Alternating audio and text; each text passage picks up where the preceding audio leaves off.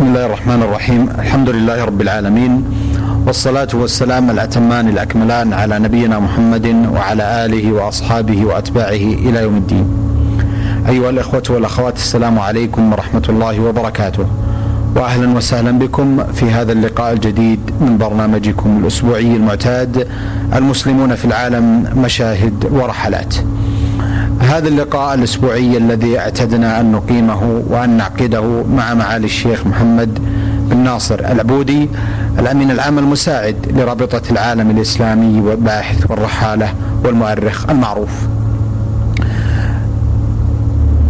أجزم أن الكثير من المتابعين يدركون أننا قد عقدنا العديد من الحلقات التي ناهزت آه، سبع عشرة حلقة عن الهند وكانت جميع هذه الحلقات ولله الحمد آه، تتضمن العديد من التفاصيل الدقيقة والمهمة والموثقة عن وضع المسلمين في الهند خصوصا وعن الهند كبلد وقارة وشعب بشكل عام. في الحقيقة لا زلنا مع الهند والحديث عن الهند كما استمعنا من معالي الشيخ محمد أعتقد أنه سوف يطول بنا كثيرا. لكن آه، ما في جعبة معالي شيخنا الكثير والكثير من التفاصيل المهمة التي ليس بوسعنا أن نستغني عنها أو أن ننصت ونستمع إليها. ذلك أنها تنصب في الحديث عن المسلمين وهو مدار برنامجنا هذا. أيها الإخوة والأخوات أكرر تقديري وترحيبي بمعالي الشيخ محمد بن ناصر العبودي وأشكر له مقدما وتبعا ولاحقا تواصله في هذه اللقاءات المباركة رغم مشاغله المتعددة وأسفاره العديدة التي قد تحجبه أحيانا عن مواصلة ومتابعة برنامجنا فأهلا وسهلا بكم معالي الشيخ. بسم الله الرحمن الرحيم. اولا أحب أن أجدد شكري لكم ولإذاعة القرآن الكريم من الإذاعة السعودية. وأقول إن الحديث عن أحوال الإخوة المسلمين وعما يحيط بهم وعما يحيط بالدعوة الإسلامية من مشجعات أو مثبطات هو حديث محبب إلى نفس إلى النفس. وبخاصة إلى نفس الرجل الذي عانى هذه الأمور بنفسه بمعنى أنه اطلع على أحوال المسلمين وحاول أن يسهم بقدر ما يستطيع بالدعوة الإسلامية. فأنا أجدد لكم شكري وأسأل الله سبحانه وتعالى أن يهدينا إلى القول الصادق والعمل الخالص. إنه سميع قريب. أثابكم الله معالي الشيخ. معالي الشيخ محمد لنا محطة في هذا اللقاء. آه، نواصل بها محطاتنا السابقة عن الهند وعن زياراتكم لولاياتها المتعددة والتي آه، توقفنا فيها مؤخرا على الولاية الشرقية. تحدث معاليكم في اللقاء السابق عن العديد من المشاهدات والانطباعات العامة عن تلكم الولاية وعن طرف من أوضاع المسلمين فيها. فنستمع منكم إلى تتمة للقائنا السابق معالي الشيخ. نعم لقد تحدثنا عن العديد من الولايات الهندية وكان آخر حديثنا عن ولاية أوريسا التي تقع في شرق الهند. وقد آه، تحدثنا آه، آه، حديثا عن تلك الولاية ولكن بقي بقيت لدينا بقية من الحديث عنها لأن الحلقة الواحدة لم تتسع للحديث عن الولاية المذكورة. ينبغي أن نكرر هنا أو أن نوضح آه، ما قلناه سابقا من أن المسلمين أقلية في هذه الولاية. ربما كانت من أقل الولايات إن لم نقل أقل الولايات الهندية بالنسبة إلى عدد المسلمين. ما عدا مدينة واحدة فيها اسمها كتك. هذه المدينة مدينة كتك. كانت فيها سلطنة إسلامية ولذلك كثر فيها كثر فيها المسلمون. أو نقول أنه إلى جانب كثرة المسلمين كثرة نسبية فإنه كثرت فيها المساجد والمشروعات أو المؤسسات الإسلامية. أحب أن أوضح هنا أنه ليس معنى كون هذه الولاية ليس فيها عدد كبير من المسلمين أن المسلمين الموجودين فيها يلاقون صعوبات في أمور دينهم فهذا غير صحيح. فهم أحرار ولا يقابلون أي صعوبة ولديهم مساجدهم ولديهم مدارسهم ولديهم مؤسساتهم. وقد زرت بعض هذه المؤسسات بعض تلك المؤسسات والمساجد وسوف أواصل في هذه الحلقة الكلام على ما لم أزره منها. تكلمت في الحلقة السابقة عن العاصمة بوني شر بوني شر هي عاصمة ولاية أوريسا وقلت إنني اتفقت مع أحد الأخوة المسلمين وهو سائق سيارة ولا أدري هل سيارته سيارة أجرة أم لا ولكنه هو مالكها وهو سائقها واسمه ملك سادات الله. وبينت في السابق أن الرجل لا يعرف معنى هذا الاسم الرنان الكبير. لأنه ملك سادات الله يعني آه، ملك سادات الله وليس ملك. ملك سادات الله أي هو آه، الحاكم على الذين يعملون بطاعة الله. السادات مضافة إلى الله سبحانه وتعالى. هذا هو تعبيرهم ولا نقول أن التعبير هذا آه، جيد أو صحيح ولكن هذا هو الواقع. فهذا السائق أو الأخ المسلم أنا حرصت على أن يكون أخا مسلما من أجل أن يساعدنا على البحث.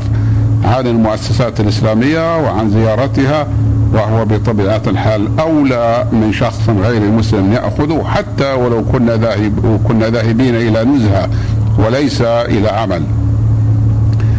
آه، سافرنا من العاصمة بونيشر إلى مدينة كتك وكلتا المدينتين في أوريسا وبينهما نحو 45 إلى 50 كيلو متر ولاحظنا أن الريف الذي بينهما هو في غاية الخصوبة لأننا تجاوزنا أكثر من نهر وواحد منها صغير سألت الأخ ملك سادات الله السائق قلت له ما اسم هذا النهر؟ قال قال هذا لا اسم له عندنا لأنه ليس مهم ولا يستحق التسمية وذلك لأنه نهر صغير بالنسبة إلى أنهار كبيرة موجودة ومن ذلك نهر جوري الذي تقع عليه مدينة كتك نهر ضخم جدا وكذلك بالقرب من العاصمة بوليشر رأينا ثلاثة أنهار وتجاوزناها آه، في رحلة تقع إلى. إلى الجنوب الشرقي من العاصمة غير هذه الرحلة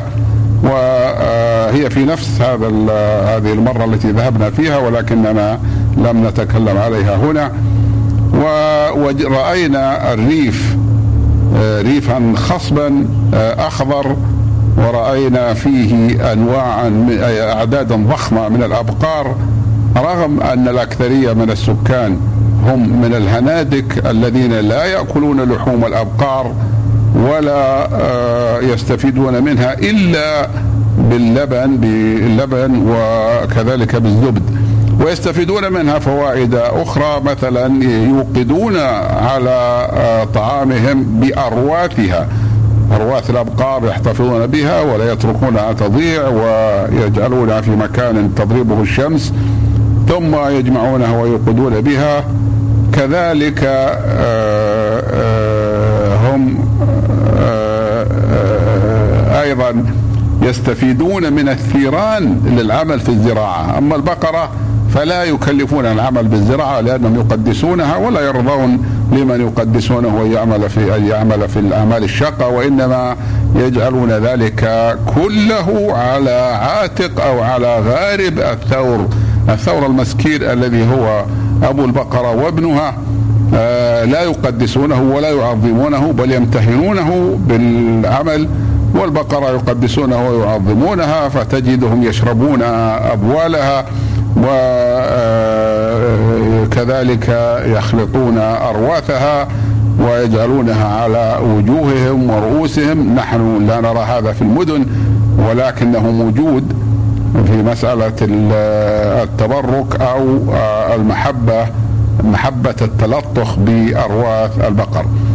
والغريب العجيب في الهند وأنا قلت أن الهند هي بلاد العجائب آه، كما قلت أنهم يقدسون البقرة ويهينون الثور ولكن إذا مات الإنسان منهم فإنهم يحرقون جثته ويأخذون رماد الحرق ويذرونه على يذرونه يعني ينشرونه في أحد الأنهار التي يقدسونها ويعبدونها مثل نهر جنجا في بنارس ونهر جنجا هذا يمر على عدة مدن. ولكن رأيت ذلك في نهر بنارس وتكلمت عليه في حلقة سابقة. ولكنهم عندما تموت البقرة لا يحرقونها وإنما يدفنونها كما يدفن المسلمون موتاهم.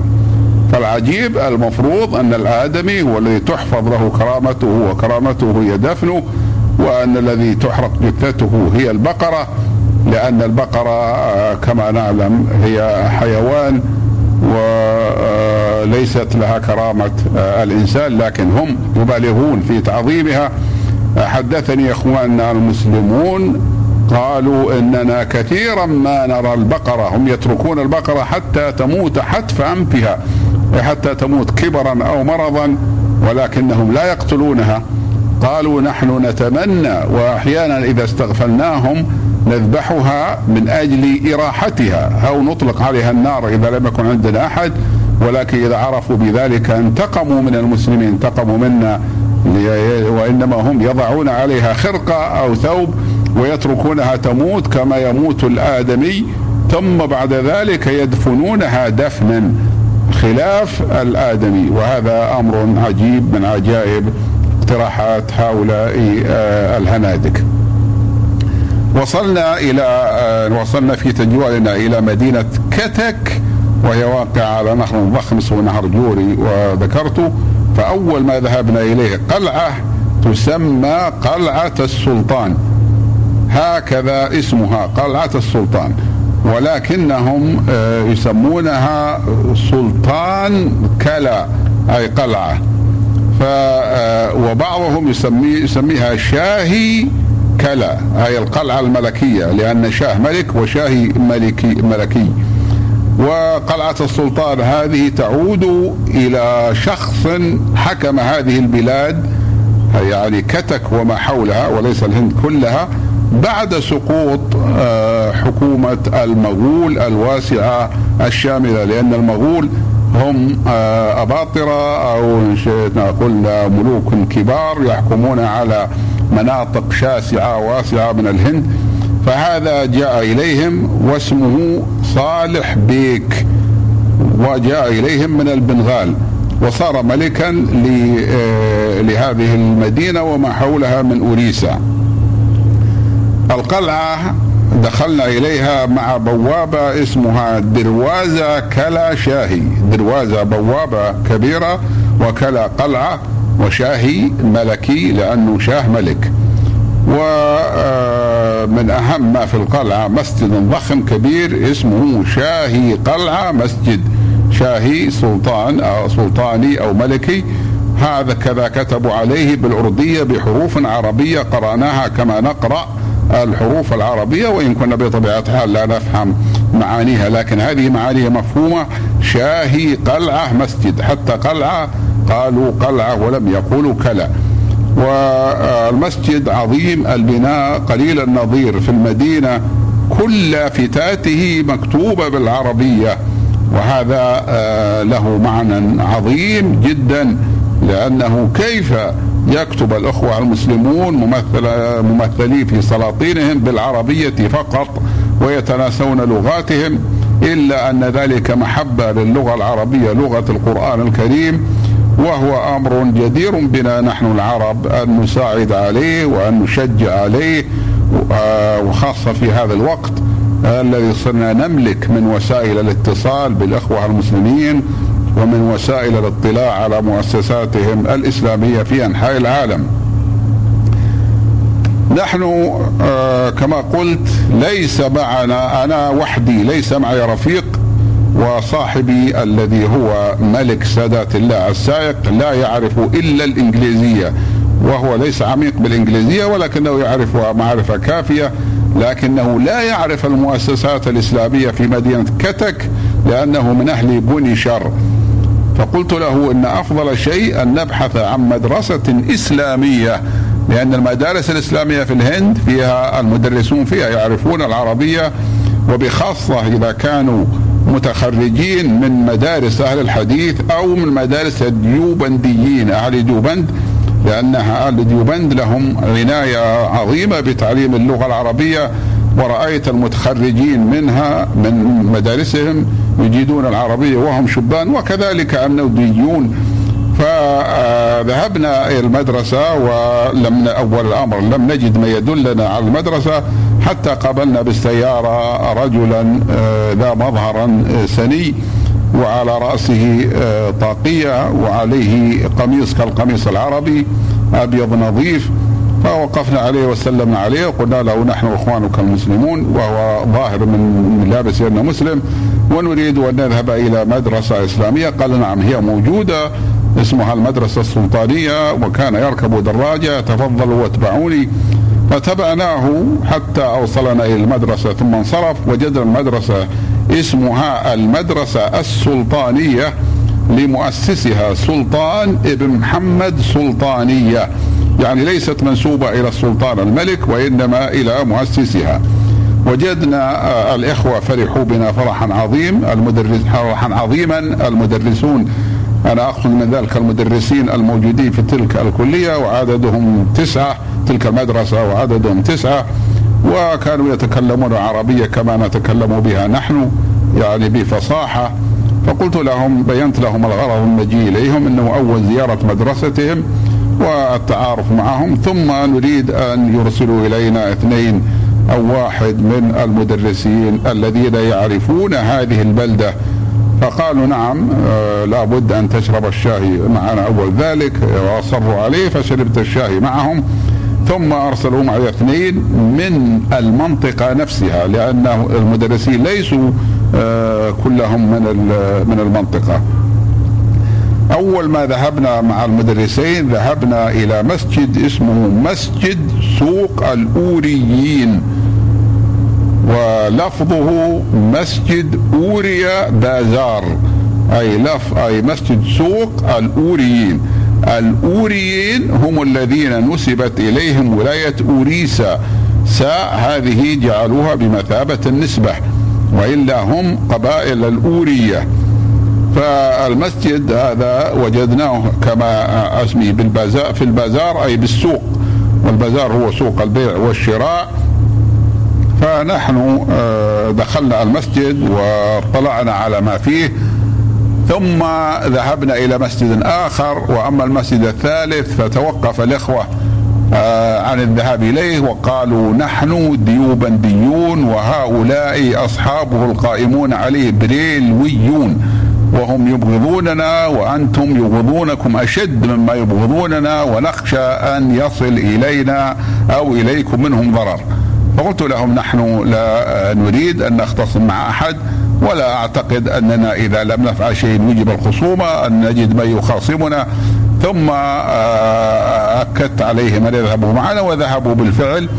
وهذا المسجد الذي زرناه اسمه مسجد قدم الرسول. هكذا كتبوا عليه. مسجد قدم الرسول. آه كتبوا عليه بالحروف العربية وباللغة الأردية. وعندما دخلنا وجدنا فيه قبة شامخة مغولية الطراز والمغول لهم طراز في البناء متميز هو الطراز الطراز الإسلامي الموجود في آسيا الوسطى مطعم بطراز هندي وقد أصبح الطراز المغولي معروف في هندسة الأبنية القديمة ومشهور. أول ما دخلنا على القبة وجدنا مكتوبا عليه باللغة الفارسية هذه قدم الرسول.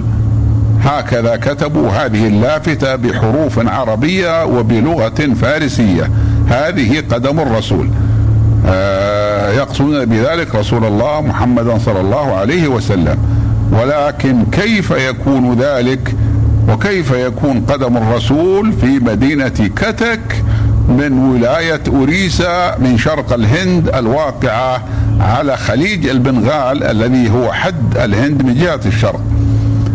دخلنا إليه إلى هذه القبة من باب التفرج فوجدنا فيها حوض ماء صغير مستدير في وسطه حجر وفي هذا الحجر صورة قدم لرجل حافي القدم والغريب أنهم كانوا آه، آه، ينادون في الناس الداخلين مع أن أكثر الناس لا يحتاجون إلى منادات لأنهم جاءوا عن تصميم ومعرفة ويقولون اشربوا من هذا الماء ماء مبارك اشربوا من هذا الماء ماء مبارك. وقد كتبوا عليه عبارة غريبة عجيبة يقوون ونصها باللغة الفارسية ولكن هذا نصها نص ترجمتها ترجمه لنا عالمان موثقان. الذي يريد الشفاعة يشرب الماء فالشفاعة من النبي صلى الله عليه وسلم وليس من هذه القدم. وهذا عجيب كلام يناقض الذي الفعل الذي عملوه في هذه القدم. سألت السادن وجدت رجلا يخدم هذه وهو مشغول بالناس ولكنني سألته قلت له أنا رجل سائح وعربي وجئت إلى بلادكم وأريد أن أعرف شيئا. عن هذه القبة وما فيها وعن الحجر وعن القدم فقال لي هذا الحجر الذي ترى فيه صورة لقدم الرسول صلى الله عليه وسلم ولذلك نحيطه بالماء والناس يشربون الماء للبركة فقلت له آآ آه، آآ آه، هذا الماء الذي تزعم من أين من أين أتيتم به؟ قال هذا ماء معتاد ماء عادي نحن نأتي به هنا. ولاحظت أن كل من يشرب من هذا الماء يضع في يد السادن نقودا. لذلك نجده حريصا على ذلك لأن في له مصلحة مادية. قلت له كيف عرفتم أن هذا القدم هو قدم الرسول صلى الله عليه وسلم؟ أي أثر القدم هو أثر قدم الرسول صلى الله عليه وسلم. فقال هذا حجر قدم به تاجر عربي جاء من بلاد العرب في القرن التاسع الهجري. وقدمه إلى السلطان المغولي فلان. نسيت اسم السلطان فالسلطان المغولي بقي عنده ولما سقط حكم المغول جيء بهذا الحجر إلى هنا. فالناس يأتون ويتبركون ويشربون من الماء بهذا من الماء الذي مر قرب هذا الحجر.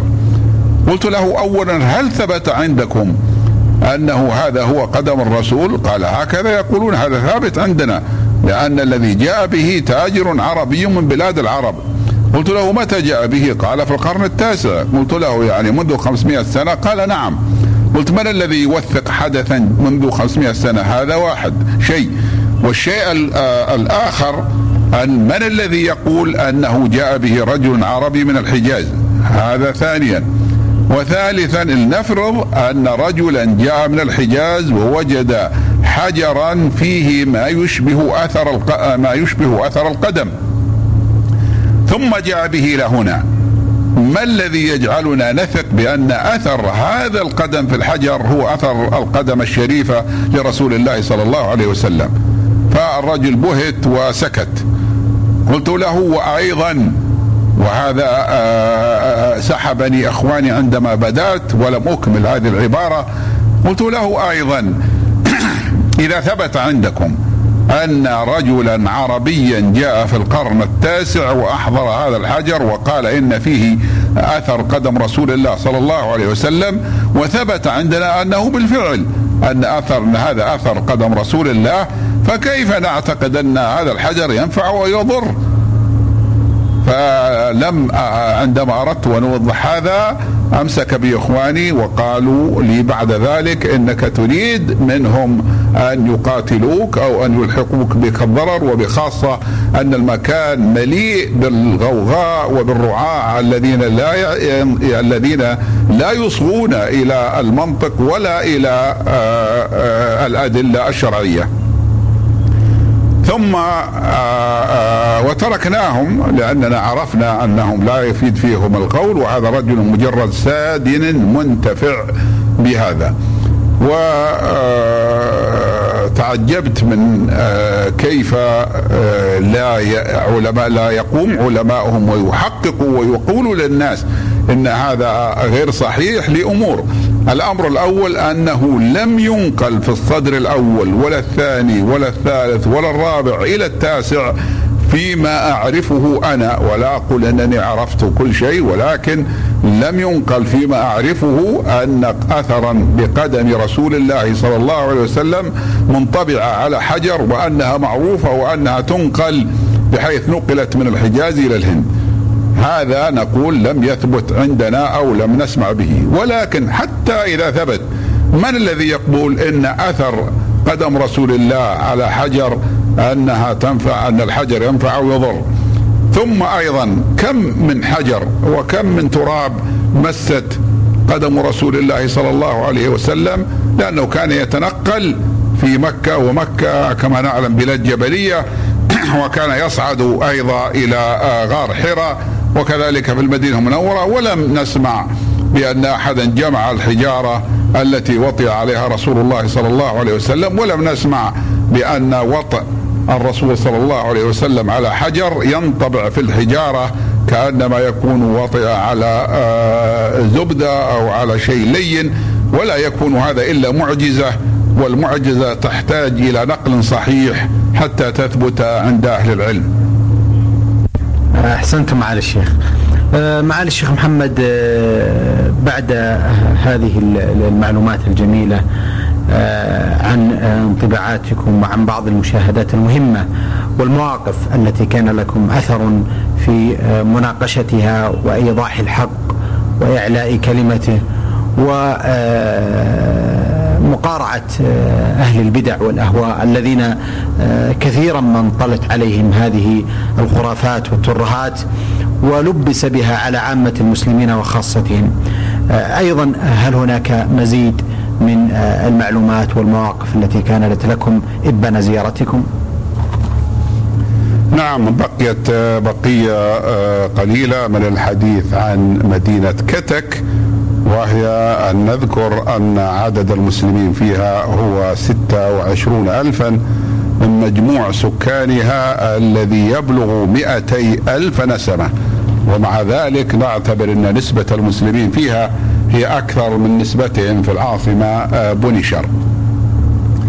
بعد آه، آه، زيارة مدينة كتك عدنا إلى العاصمة بونيشر. واستكملنا زيارة المؤسسات الإسلامية وكذلك الأماكن السياحية. فزرنا آه، الأماكن المهمة منها مسجد أهل السنة والجماعة ويقع في حي اسمه بونيشر رقم ثلاثة وهو حي سيء جدا بالنسبة إلى الحي الذي فيه المسجد الرئيسي في بونيشر ويسمى مسجد السوق. فذلك حي راقي فيه أبنية ضخمة متعددة الطوابق أي عمارات. وأما هذا المسجد هذا الحي فإنه حي متخلف حتى إن أفخر البيوت فيه هي المبنية بلبن الإسمنت. وإنما بعض البيوت من الخيش. قد نصبت آه، خشب وجللت نصب خشب وجلل من الخيش فهو متخلف إلى درجة فظيعة. وقد اختلطت يعني شوارعه أيضا ضيقة ومع ذلك اختلطت الحيوانات الحيوان اختلط بالناس فيه وتجمعت مخلفات الناس فيه ومخلفات آه، فظيعة يصعب ذكرها وأن بعض الأطفال الصغار آه، يرمون بمخلفاتهم أيضا في طرف الشارع أو في الشارع ولذلك كان فيه الذباب كثير. ولكن المسجد مظهره آه، لا بأس به بالنسبة إلى بقية الحي فهو أحسن مبنى في الحي ولكنه مع ذلك مظهره ليس بذاك وعليه لافتة بالأردية مكتوبة بالحروف العربية جامع مسجد حبيبية أهل سنة وجماعة بنشر point ثلاثة يعني آه، نقطة رقم ثلاثة هذه الترجمة الحرفية. والترجمة الفقهية هي رقم ثلاثة أو النقل الحي الثالث في آه، بونيشر. وقد كتبوا عليه تاريخ بنائه في عام 1977 والغريب أنه قسمان يفصل بينهما فراغ آه، ليس واسعا. القسم الأول مسقف بالقش يعني لم يستطيعوا يسقفوه لا بخشب ولا بغيره. والقسم الثاني أرقى منه مسقف بالصفيح الذي هو الحديد الرقيق أو التنك الغليظ. والسبب في هذا أنه بني على مرحلتين آه، مرحلة آه، بناء مرحلة أحسن من بناء المرحلة الأخرى. أحسنتم معالي الشيخ. معالي الشيخ محمد أستأذنكم في هذه اللحظات لنتوقف عند هذا الحد. على أمل أن يكون هناك لقاء قادم بإذن الله تعالى لتتمة الحديث عن المشاهدات والانطباعات التي آه، وقفتم عليها إبان زياراتكم للهند وولاياتها. أيها الأخوة والأخوات كنا وإياكم طوال تلكم الدقائق الماضيات مع معالي الشيخ محمد بن ناصر العبودي العلامة والباحث والمؤرخ المعروف متحدثا لنا عن زياراته وانطباعاته ومشاهداته لأحوال المسلمين في أنحاء الأرض التي زارها. نلقاكم أيها الإخوة والأخوات على خير في مثل هذا اليوم من الأسبوع القادم. والسلام عليكم ورحمة الله وبركاته.